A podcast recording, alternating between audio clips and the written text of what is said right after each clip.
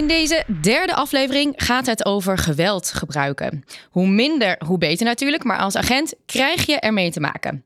Want wanneer mag je eigenlijk welk wapen gebruiken? En hoe beslis je dat in een split second? Hoe reageer je zelf als je voor het eerst schiet? Vaste gasten Sanne, Hendrik Jan en Remy bespreken hoe zij het ervaren. En voor de case schuift docent Harco aan van het vak geweldsbeheersing. In deze aflevering testen we ook weer je politiekennis en dalen we af naar de kluisjes voor de lokkerpraat.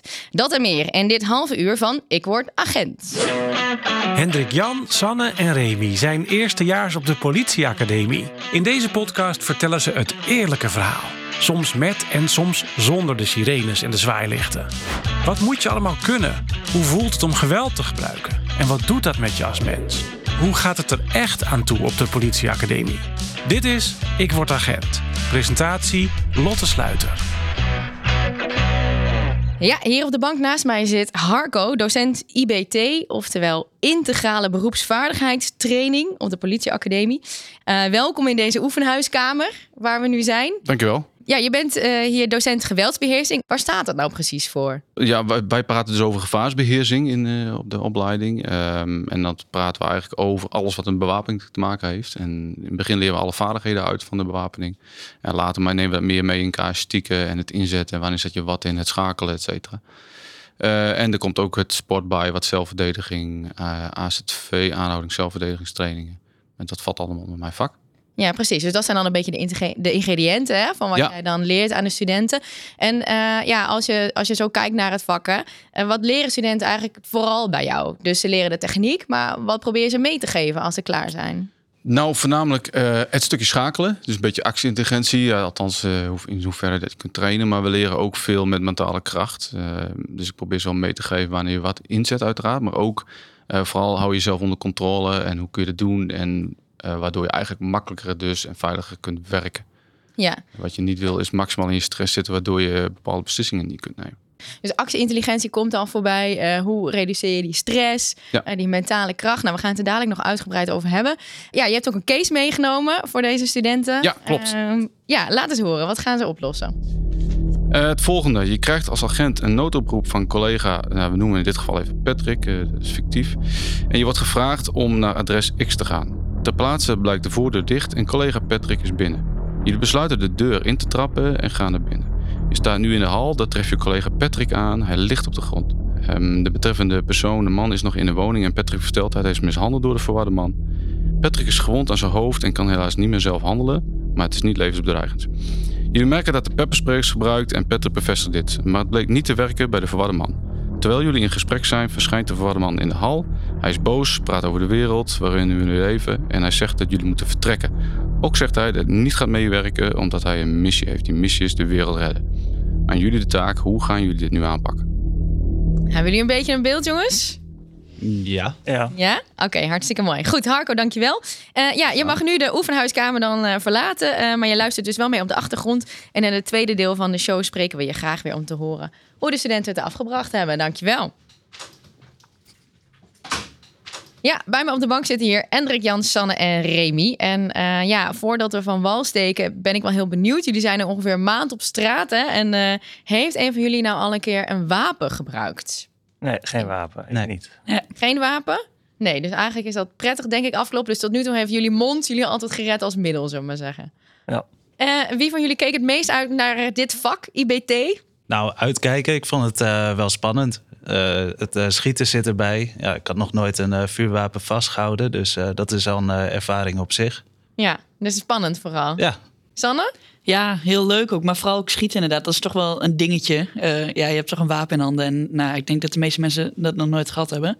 Uh, ja, dus dat is heel leuk. Ja, dus, dan, dus is dit dan een beetje het vak zeg maar, waarvoor je bij de politie gaat of dat niet? Dan kan ik me heel goed voorstellen dat dit een avontuur is. Nou, tijdens de opleiding nu ga je best wel vaak schieten. Maar ja, straks natuurlijk niet, als het goed is tenminste. Hmm. Maar je hoort heel vaak uh, ja, collega's die al jaren op straat zijn... die het nog nooit hebben gebruikt. Dus uh, ik denk niet dat dat echt een goede reden is om bij de politie te gaan. Nee, oké. Okay. Ja, en het is allemaal nieuw. Je hebt nog nooit een wapenstok uh, geslagen met een wapenstok... pepperspray gebruikt. We hebben de taser, dus dat is allemaal nieuw. En ja, uh, ja je, je, mond gebruiken, ja, dat doe je elke dag. Dus, uh. um, Even kijken, terug naar de case. Dus eh, ja, jullie staan dus op, de- op de gang bij dat huis. Eh, jullie collega Patrick eh, is, is binnen, die ligt gewond in de gang. Eh, ja, wat is het eerste dat je doet, Hendrik Jan? Eh, nou, eh, kijken wat eh, de eigen veiligheid, maar ook de veiligheid van de collega in kwestie. Dus dat is het belangrijkste. Heb ik de ruimte, werkruimte hier om weg te komen? Waar zijn de uitgangen? Eh, dat is voornamelijk het belangrijkst. De persoon in kwestie tegenover je, hoeveel meter afstand heb ik? Eh, nou ja, en hoe is mijn collega daaraan toe? Eh, dat is zeker belangrijk om daar te kijken van... is dit de plek waar we iets kunnen doen om te behandelen? Of gaan we hem verslepen, zorgen dat we hier wegkomen? Dus even kijken wat, eh, wat de plek, eh, wat de situatie eh, is. Dat hangt er een beetje vanaf. Ja, precies. En eh, Remy, wat voor factoren tellen dan mee? En sta je daar ook al binnen met een, met een wapen getrokken of niet? Eh, de factoren die meespelen eh, is ja, wat is de ruimte? Eh, wat ligt er allemaal om je heen? De, de omgeving. Heeft, heeft die persoon iets in zijn handen waar die zichzelf of ons wat mee aan kan doen? Ehm, ja, daar kijk je, daar kijk je naar zijn, lichaam. Van, hoe staat hij? Staat hij in de gevechtshouding of is hij nu rustig?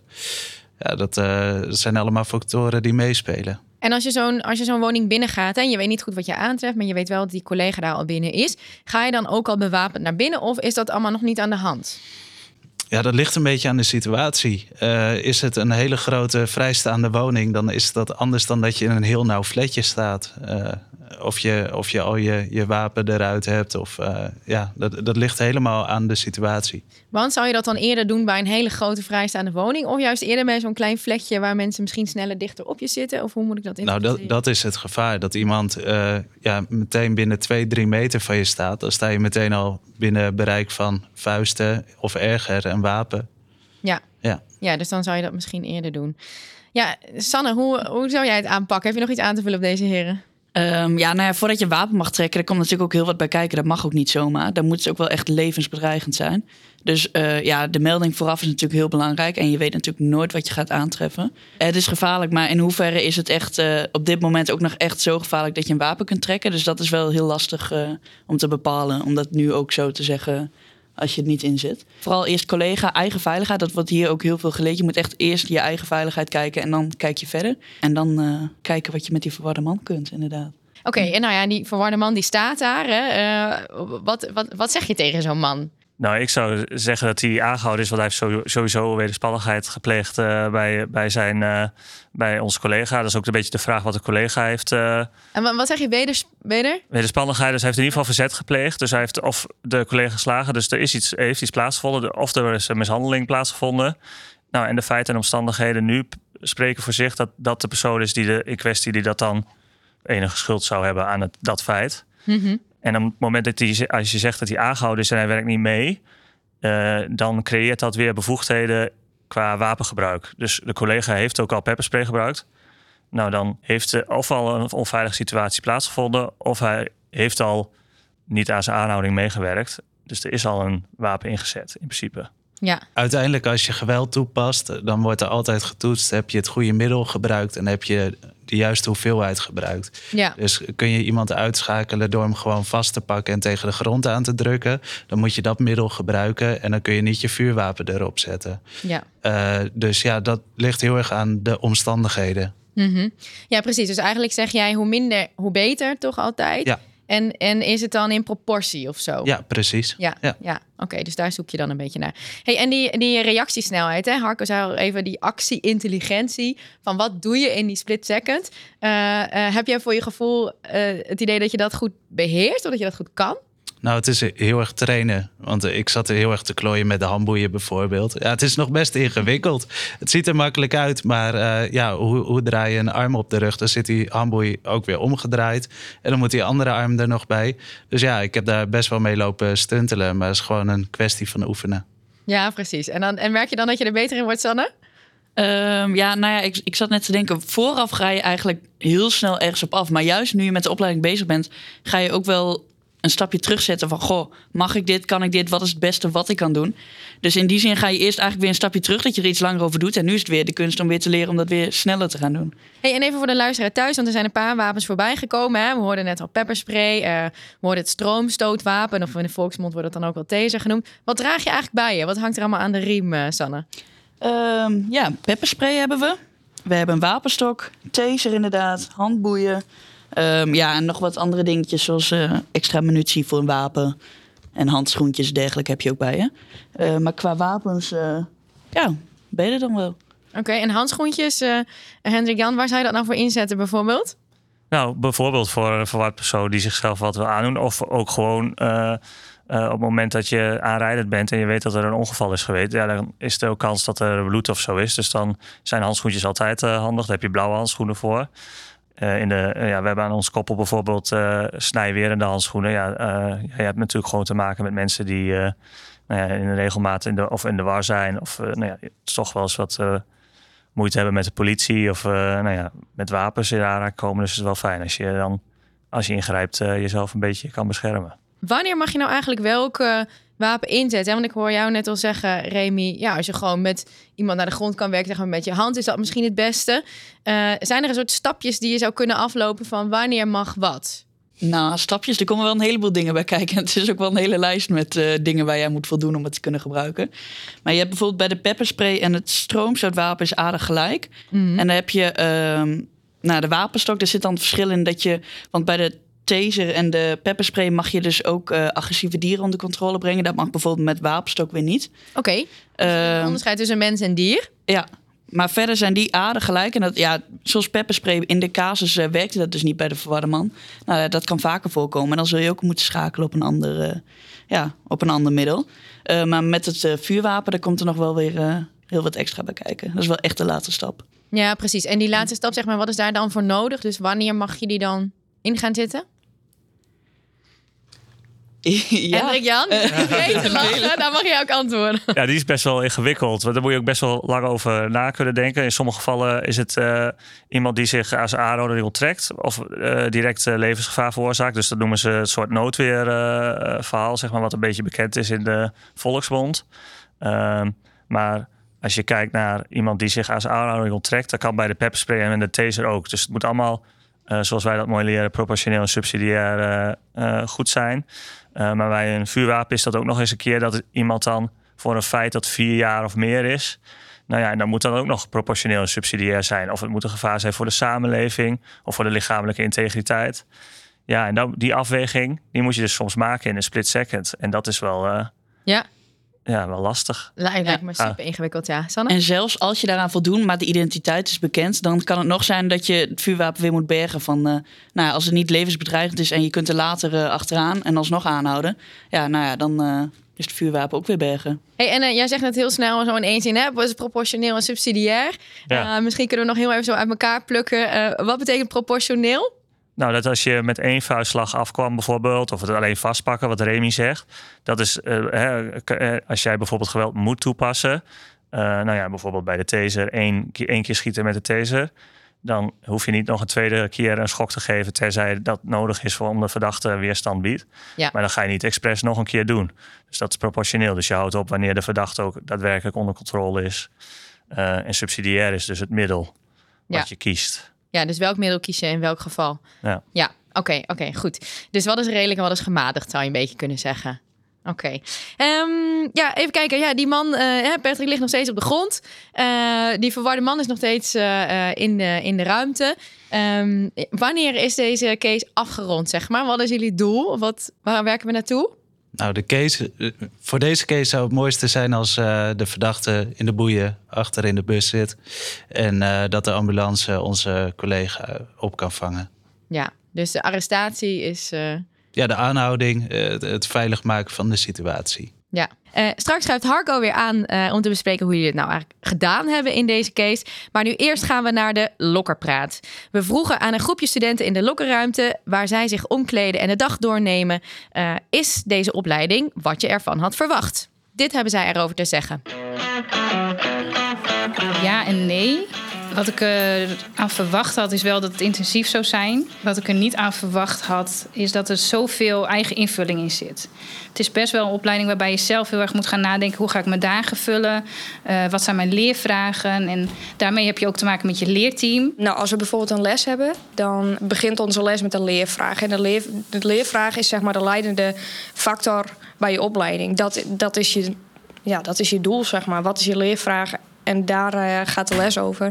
Dus daar moest ik wel even inkomen. Dus je hebt zelf misschien een leervraag, maar het kan best zijn dat jouw uh, medestudenten daar anders over denken. Dus daar moet je continu met elkaar over in gesprek blijven. Van nou, hoe gaan we deze les nou weer invullen en hoe gaan we die les invullen? Ik dacht, oh, oké. Ik heb altijd zeg maar les gehad van een leraar of een lerares. En nu moet ik dat zelf gaan invullen. Dus dat vond ik ja, best wel lastig om, uh, om te doen. En misschien heb ik dat wel een beetje onderschat. Maar nu, ik ben nu bijna een jaar onderweg. En nu begin ik wel een beetje mijn weg te vinden in de opleiding. Ik denk, oké, nu gaat het wel iets beter en ik weet wat ik moet gaan doen, zeg maar. Nou, het is natuurlijk wel weer wennen dat je naar school gaat. Dus wat dat betreft, ja, heb ik het ja, van tevoren natuurlijk veel eh, Instagram bekeken, veel de websites bekeken, uh, verschillende blogs gelezen over de opleiding. Wat is natuurlijk vernieuwd. Dat is nu wel wat ik ervan verwacht had, ja. Dat is heel erg zelfsturend, zelflerend. Um, en dat is natuurlijk totaal wat anders dan het voortgezet onderwijs. Dat je echt een docent voor de klas hebt en die vertelt wel even hoe het gaat. Maar hier is het echt de regie bij onszelf als leerteam. Nou, dat je veel, uh, veel apart vakken hebt, hè? veel theorie. Daar ook de droge stof. Dus het is natuurlijk heel anders dat je naar een uh, andere opleiding zou gaan. Want het is hier eerst heel veel theorie en dan pas nou, de praktijk in, zeg maar. Ik ken al een aantal die hier zaten, dus ik wist al een beetje hoe dat er bij hun aan toe ging. Dus uh, ja, dat komt aardig overheen. Ja. Uh, nou, uh, ik hoorde wel dat uh, er verschillende teams allemaal waren en dat het echt veel zelf bepalen was. En dat er heel veel verschil zat in teams. Dat de een die was heel veel met theorie bezig, de ander draaide heel veel casuïstiek. dus dat je dat zelf echt kon aangeven wat je wou gaan leren, wat je wou gaan doen. Dus ja, dat, dat vond ik heel leuk dat je dat, ja, dat, dat zo werkt hier. Ja. Ja, dat was de Lokkerpraat. En we zijn weer terug op de bank in de oefenhuiskamer van de politieacademie met onze drie studenten. Uh, Harco, kom erbij, zou ik zeggen. Eens even kijken hoe de studenten het ervan afgebracht hebben met hun case. Harco, um, ja, wat hebben de studenten goed gedaan? Laten we daar eens even mee beginnen. Zo twee dingetjes. Ja, het is echt geweldig. Ze zijn mega goed opgeleid natuurlijk. Door jou zeker? Door mij uiteraard. Nee, gekheid. Um, nee, echt uh, complimenten. Eigenlijk... Uh, ja, komt het mooi uit de verf. Uh, eigenlijk alles wat ze hebben benoemd, grote lijnen, klopt het wel. Ja, en twee dingen waarvan je dacht van ja, ik ben zo blij dat jullie dit even noemen. Eigen veiligheid. Ja, ja. die is sowieso. Uh, die is belangrijk, hè? want als je zelf niet veilig bent, hoe kun je dan anderen helpen, om zo maar te zeggen. En natuurlijk uh, wel nadenken over wat je gaat inzetten en hoe het juridisch zit, et cetera. Want anders kom je er helemaal niet uh, lekker uit. Dus daar was ik heel blij mee. Ja, ja, dus toch ook weer van wanneer is welk uh, wapen gerechtvaardigd? Ja. Ja. ja. Oké, okay, oké. Okay. Uh, wat komt beter? Uh, nou, beter. Ehm, ja, kijk, weet je, lastig in ons vak is, er zijn al meerdere wegen die naar Rome leiden. Dus je doet het eigenlijk in die zin voor je gevoel nooit goed, omdat je eigenlijk honderdduizend dingen kunt aanpakken op verschillende manieren. Maar in, dit, in deze zin zou je nog na kunnen denken over uh, als ik te plaats kom, een extra koppeltje bijvragen bijvoorbeeld. Hè, voor de meldkamer, waardoor je met z'n vieren bijvoorbeeld bent. Dat zou een optie kunnen zijn. Ja. Um, en heel veel info halen bij de collega. Hè? Dus uh, van um, uh, wat is er gebeurd, maar ook zijn er meerdere mensen in de woning, wat is de toestand van de verdachte. dat soort dingen zou je daar heel veel info kunnen, uit kunnen halen. En kan die collega zich misschien wel zelf even redden en kun je storten op de verdachte, ik noem maar wat. Ja, want studenten, uh, hebben jullie daaraan gedacht om, uh, om Patrick nog even wat vragen te stellen? Of hadden, gingen jullie er al vanuit ja. dat, hij, dat hij misschien bewusteloos in de hoek lag? Of? Nee, ja, nou, nee ik heb, daar, daar heb ik op zich wel over nagedacht. We hebben natuurlijk niet heel erg diep uh, ingegaan op hoe de toestand van uh, Patrick was. Nee, ja, daar, daar kun je altijd uh, bij stilstaan in, in die zin. Maar ja, dat, wat je zegt, je krijgt een droge kaas voorgelegd. is altijd een beetje lastig om een situatieschets te maken. Mm -hmm. Maar zeker logisch om dat even te vragen, absoluut. Hey, en het woord actie-intelligentie komt nou eigenlijk een paar keer voorbij. Hè? Uh, hoe train je daar nou goed op? Hoe train jij dat bij studenten? Um, en eigenlijk is het in de actie kunnen bijschakelen, opschakelen, afschakelen. Mm -hmm. uh, of schalen eigenlijk. Um, en daar kun je trainen in dit geval door uh, maximaal veel casuïstieken te draaien. Met alleen maar verschillende scenario's. Met verschillende bewapening, met je mond. Elke keer ergens anders in komen. Eén keer een melding van maximaal geweld is het heel rustig. Maar andere keer is het andersom als je dat gewoon honderdduizend keer doet, dan word je er steeds beter in eigenlijk. Ja, precies. Want het zijn zoveel lagen waarin je eigenlijk uh, bezig bent of aan het werk bent als agent. Dus je hebt aan dat juridische, haal ik er dan uit. Je, moet, je hebt voortdurend beslissingen over die wapens die je moet nemen. Ja. Uh, je moet je omgeving scannen. Je moet kijken hoe het met je collega's gaat.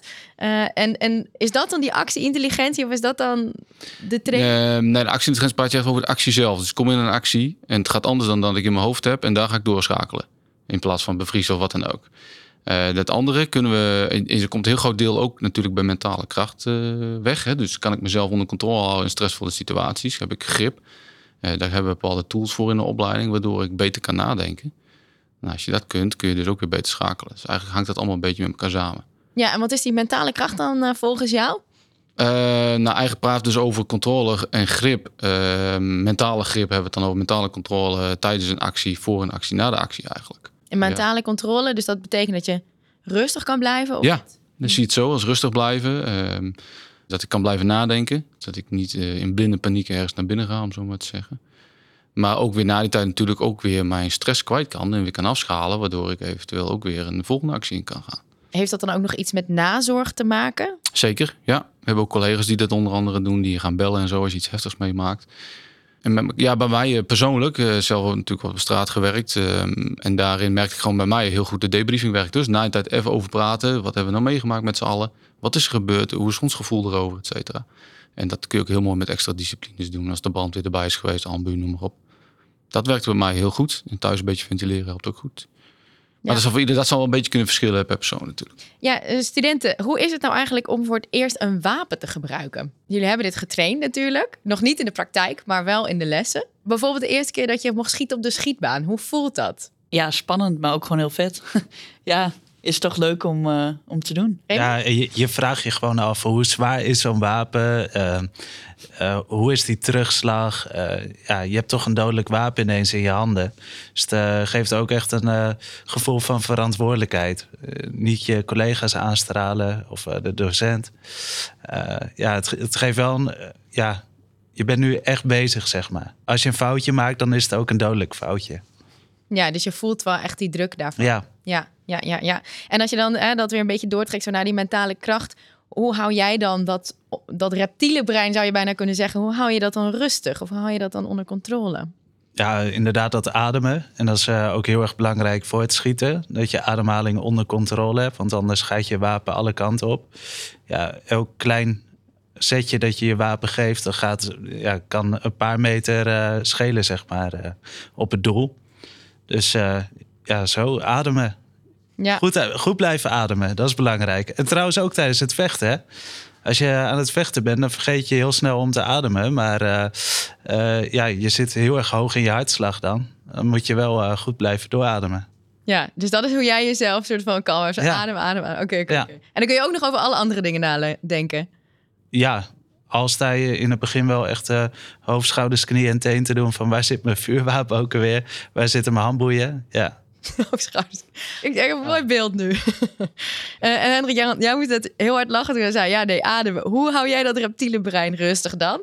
Oh ja, ik vond dat in het begin heel lastig. En dat heb ik nog wel eens als je in een grote kaas wordt gegooid... en dan komt er zoveel op je af. Dan merk ik wel dat ik daar uh, soms wel geneigd ben om, om het overzicht te verliezen. En daar zit de uitdaging inderdaad, wat Remy zegt, in de, in de ademhaling.